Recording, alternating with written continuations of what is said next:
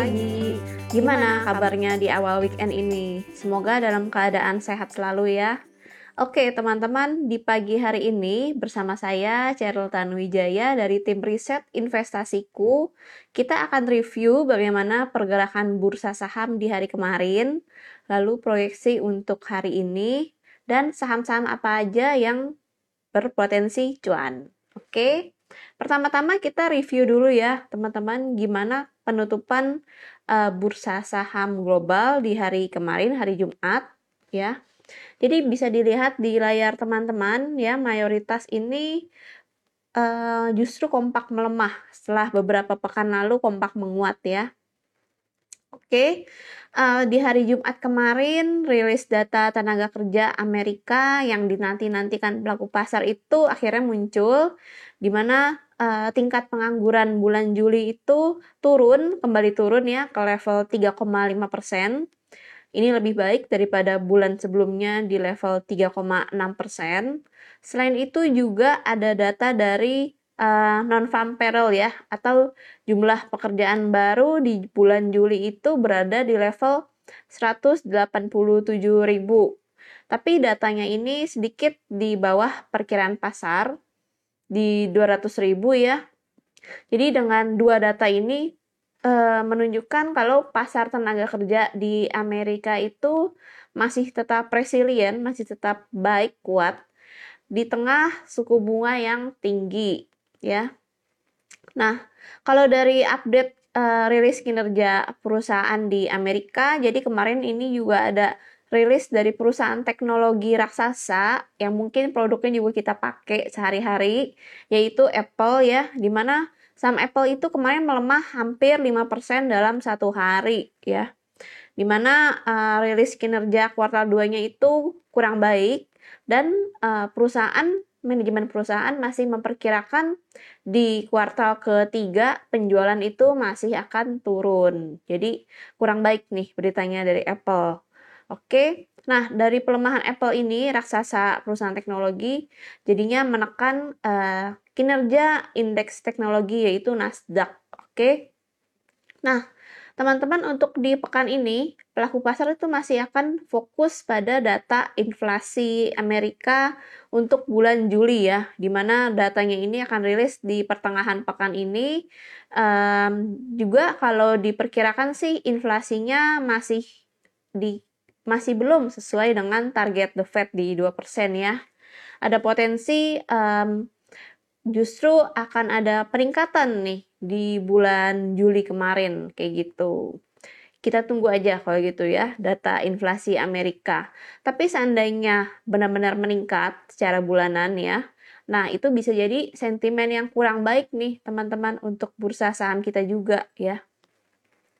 Oke, nah kalau untuk bursa domestik sekarang kita beralih ke sektoral. Oke, nah jadi secara sektoral IHSG kemarin um, ya 50-50 ya.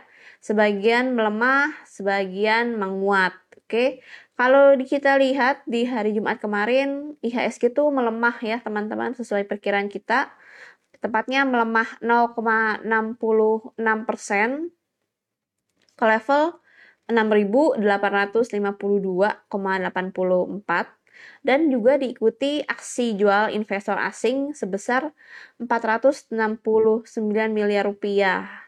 Adapun lima saham yang paling banyak dijual investor asing dalam satu hari kemarin adalah Bank BRI, BCA, Telkom, Semen Gresik, dan Goto. Nah, secara sektor, sektor yang jadi top loser itu adalah sektor teknologi, sektor kesehatan dan sektor keuangan. Jadi yang big caps nih teman-teman pada koreksi um, koreksinya gede-gedean. Jadinya IHSG-nya juga koreksinya lumayan nih, hampir satu persen kemarin ya. Oke. Nah, sebaliknya sektor yang menguat, yang menjadi penopang IHSG untuk nggak koreksi lebih dalam lagi itu yang menguat ada sektor properti, sektor transportasi, dan sektor energi. Ini tiga sektor yang uh, menguat signifikan nih teman-teman top gainer ya. Nah, untuk hari ini teman-teman IHSG itu masih akan mencermati pelaku pasar kita tuh masih akan mencermati uh, bagaimana rilis data PDB di dalam negeri ya uh, pertumbuhan ekonomi di kuartal kedua ini seperti apa? Itu yang akan diperkirakan sih rilis jam 9 atau jam 10 pagi hari ini gitu. Oke okay. um, diperkirakan sih PDB kita untuk kuartal kedua ini akan tumbuh ya. Masih akan tetap tumbuh sebesar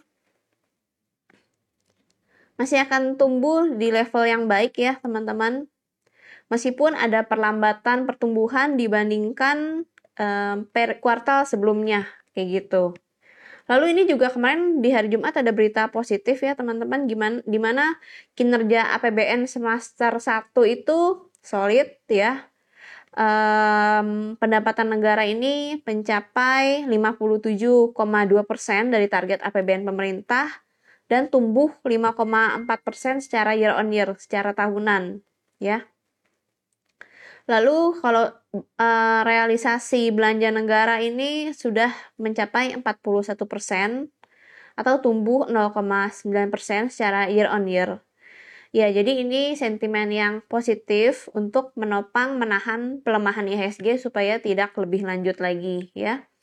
Nah, data PDB ini jika ternyata lebih baik daripada perkiraan ya, uh, ini juga akan menjadi penopang IHSG di hari ini. Tapi uh, kalau Pak market sih survei memperkirakan kuartal kedua ini pertumbuhannya tidak lebih baik dibandingkan kuartal satu kayak gitu. Oke, Uh, untuk proyeksi IHSG kita bisa lihat ke chart IHSG ya teman-teman. Nah muncul nih layarnya ya di aku. Untuk hari ini proyeksinya IHSG akan cenderung melemah dulu ya. Uh, range-nya bisa ke level 6800 sampai 6900 ya. Ada sentimennya apa? Yang pertama masih menantikan data PDB pertumbuhan Indonesia, lalu juga masih harap-harap cemas pelaku pasar nih sama data inflasi Amerika di pertengahan pekan ini ya. Khawatir kalau naiknya tuh ternyata lebih besar daripada perkiraan ya. Oke, um, untuk IHSG kita lihat secara momentum ini juga um, masih lanjut menguat eh masih masih masih pelemahannya tuh masih berlanjut nih. Kita lihat MACD-nya tuh masih menguat negatifnya ya. Jadi itu tanda um, kalau ada potensi pelemahan lebih lanjut untuk hari ini.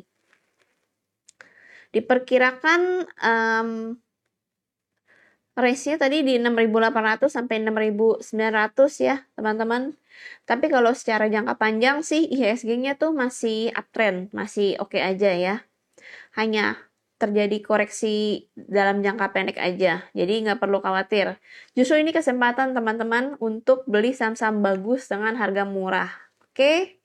Nah, kita masuk ke rekomendasi ya teman-teman. Rekomendasi yang pertama, oh iya, Sebelum mulai rekomendasi yang pertama, teman-teman yang belum download aplikasi investasiku dan yang belum jadi investor, ayo cepetan ikut sama kita ya um, setiap hari teman-teman bisa dapat uh, berbagai fasilitas dari tim riset investasiku, termasuk daily report, rekomendasi lengkap, dan kelas-kelas edukasi. Oke. Okay? Uh, yang pertama rekomendasinya nih ada Citra. Teman-teman kalau ada pertanyaan boleh silakan juga diketik ya di komentar. Oke. Nah, yang pertama ini ada Citra ya. Citra kita lihat ini masih uptrend meskipun kalau dalam tren menengah ini konsolidasi ya. Citra ini kemarin uh, menguat sampai melampaui resisten MA jangka pendek dua loh MA-nya ya. Jadi menarik nih Citra. Lalu kita juga lihat dari momentum sinyal buy ini muncul dari RSI stokastiknya Citra ya. Kita jadi bisa buy Citra di harga 1090 sampai 1100. Targetnya di 1180 sampai 1200 ya. Lalu stop lossnya di 1020. Citra. Oke. Yang kedua ada Tins.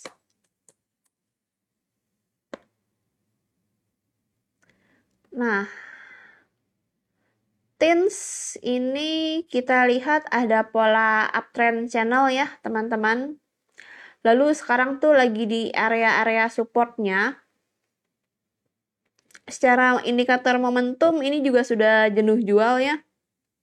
Jadi kita bisa buy tins di harga 900 sampai 910. Take profit di 950, stop loss di 880. Berikutnya ada WIRG.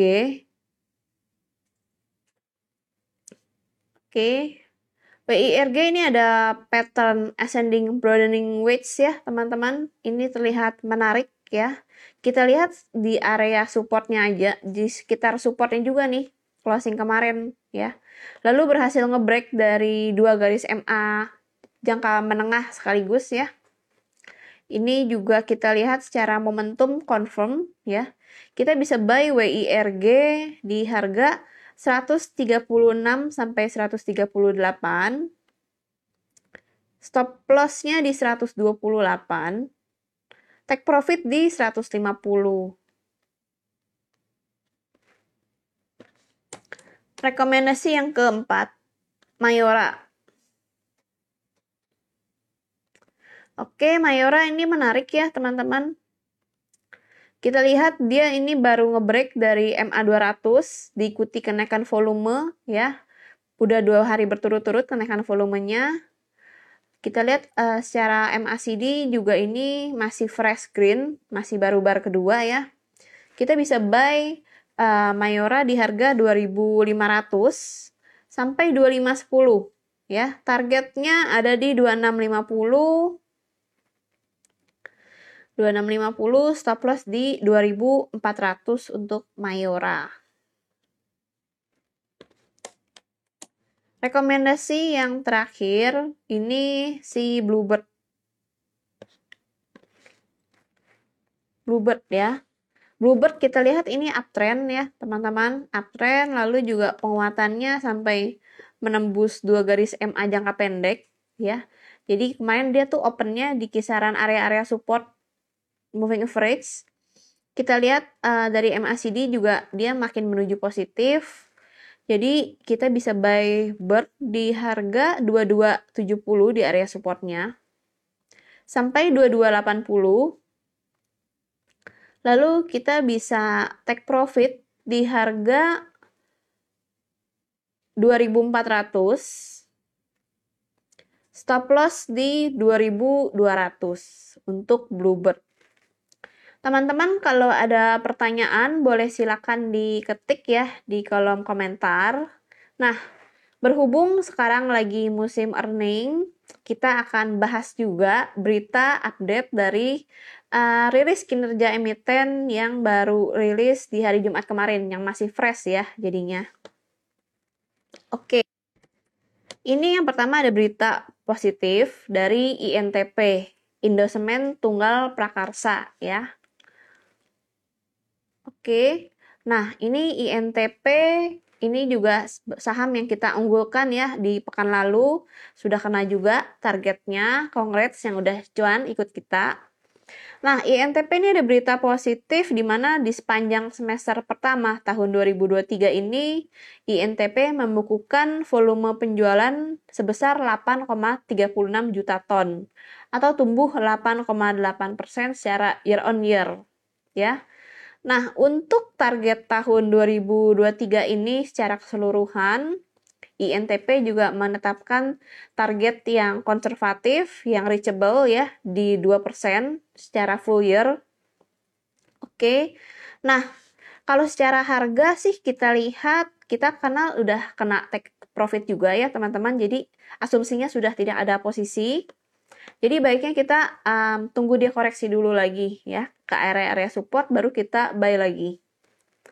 Oke, uh, berikutnya yang ada berita bagus lagi dari ABMM. ABM Investama. Oke. Nah, ABMM ini membukukan kenaikan laba yang signifikan. Oke, sebesar 97,4% secara year on year ya.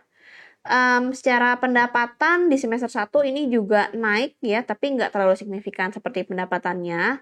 Naiknya 17%. Jadi uh, pendapatannya ini didominasi oleh segmen kontraktor tambang dan batu bara. Gitu. Oke, nah untuk ABMM secara harga gimana nih? Ya, kita lihat ini memang masih uptrend ya teman-teman si ABMM ini. Ya, tapi kalau kita lihat nih ABMM secara harga dia sudah dekat sama upper Bollinger Band ya garis upper Bollinger Band apalagi beberapa hari lalu ini ada shooting star candle ya ini tanda-tanda pelemahan sih. Jadi kalau teman-teman mau beli, baiknya wait and see dulu untuk ABMM. Oke. Nah, kita uh, ada berita positif lagi juga dari bunga BNGA, Bank CIMB Niaga ya. Oke, Bank CIMB Niaga um, di semester 1 2023 ini membukukan laba bersih 3,2 triliun, naik lumayan signifikan sebesar 27% secara year on year. Um, pendapatan bunga ini juga naik 4,59% secara year on year. Lalu juga um, penyaluran kredit perseroan ini naik signifikan 8,6% secara year on year ya. Oke, tapi kalau secara harga, teman-teman, kita lihat um, bunga ini udah naik dari pekan lalu ya, dari Senin lalu ya. Oke. Jadi kalau sekarang meskipun kita lihat ada candle bullish, candle trigger bullish di hari kemarin, ada doji juga. Tapi kita lihat di area 1700 tuh ada resisten kuat nih, teman-teman, ya. Dan posisi dia tuh udah di luar upper Bollinger Band nih ya. Jadi um, ada potensi dalam beberapa hari ini bisa melemah dulu baru lanjut menguat lagi gitu untuk bunga. Yang terakhir ada berita kurang bagus dari SSIA terkait kinerjanya.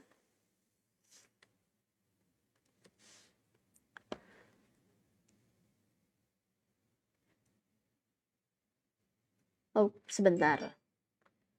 Oke, kelihatannya kinerja yang kurang bagusnya ini juga udah terefleksikan nih teman-teman dari pergerakan harganya ya. Oke, SSIA ini di sepanjang semester 1 2023 justru rugi 51,23 miliar nih. Oke, um, meskipun pendapatan naik secara year on year tuh 18%, tapi dari total ya ini justru jadinya rugi, masih rugi. Meskipun ruginya nih udah mengecil dibandingkan periode sebelumnya tuh di 79,51 miliar ya.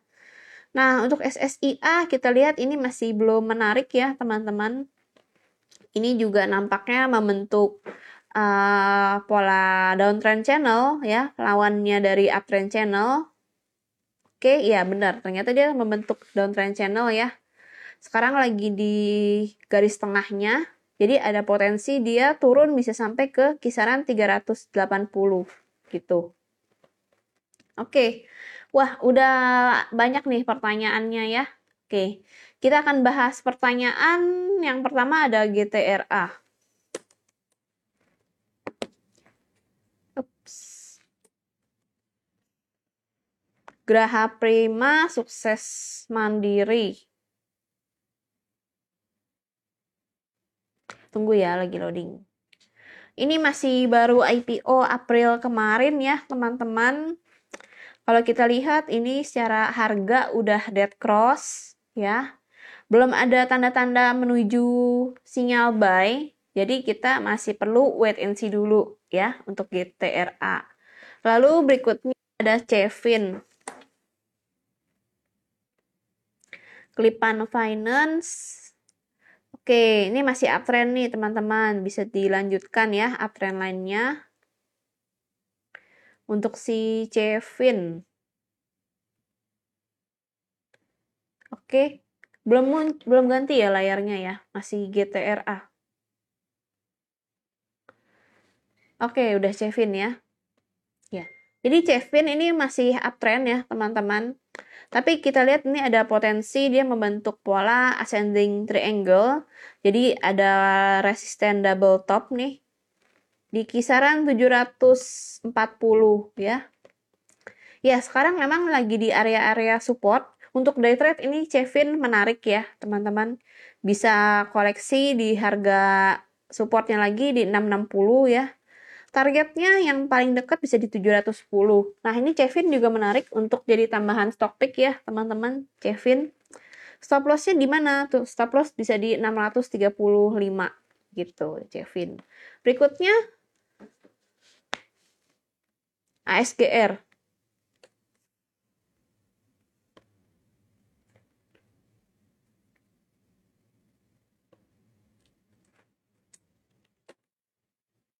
Astrografia ya teman-teman. Oke. Nah ini lagi di um, upper Bollinger Band ya teman-teman. ASGR. Oke. Masih di upper Bollinger Band. Kita lihat ini ada potensi masuk nih dalam beberapa hari. Artinya turun gitu ya ASGR. Jadi bisa kita hindari dulu. Berikutnya ada WiFi pertanyaannya.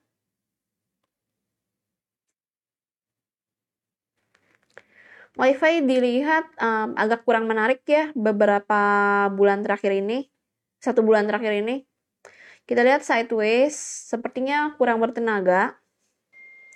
WiFi juga kita lihat sekarang udah di bawah garis MA ya, ada dua garis MA sekaligus. Jadi kita bisa kalau mau beli, mungkin untuk day trade ya, ambil range-nya nggak bisa terlalu besar. Bisa cermati di level 180 ya, teman-teman untuk WiFi. Target di 196,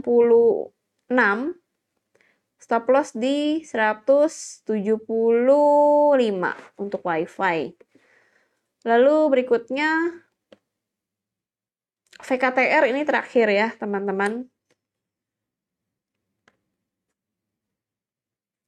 VKTR ini juga masih baru IPO, baru bulan Juni kemarin ya. Ya sejauh ini sih kinerjanya bagus-bagus aja ya, VKTR masih uptrend, tapi masih belum balik ke harga IPO-nya ya di 135 ya. VKTR um, kita lihat ini agak beresiko ya teman-teman. Jadi kita bisa hindari dulu ya. Oke. Nah, benar-benar terakhir ya teman-teman ya match nih. Untuk hari ini terakhir. Oke, match. Match ini sideways ya teman-teman, kurang menarik. Soalnya dia terjepit di antara MA5 sama MA20 nih, gitu. Kecuali teman-teman tunggu dia breakout dulu ya. Kalau dilihat sih volumenya nih uh, lemah, volumenya tuh lemah khawatir juga dia nggak berhasil breakout malah kena gravitasi jadinya breakdown jadi turun gitu ya. Oke teman-teman um, itu dia pembahasan proyeksi IHSG untuk hari ini. Teman-teman kita besok ada um, event seru banget yang nggak boleh dihindarin beneran. Kita akan ada diskusi bersama direksi Alobank ya. Direksi Bank Digital um, BBHI Nah, teman-teman udah tahu, udah banyak beritanya, di semester 1 ini uh, di antara berbagai bank digital lain, BBHI atau Alobank itu yang kinerjanya paling oke. Okay. Secara laba paling tinggi, secara pendapatan itu juga pertumbuhannya paling tinggi dibandingkan yang lain, ya. Penasaran apa sih penyebabnya?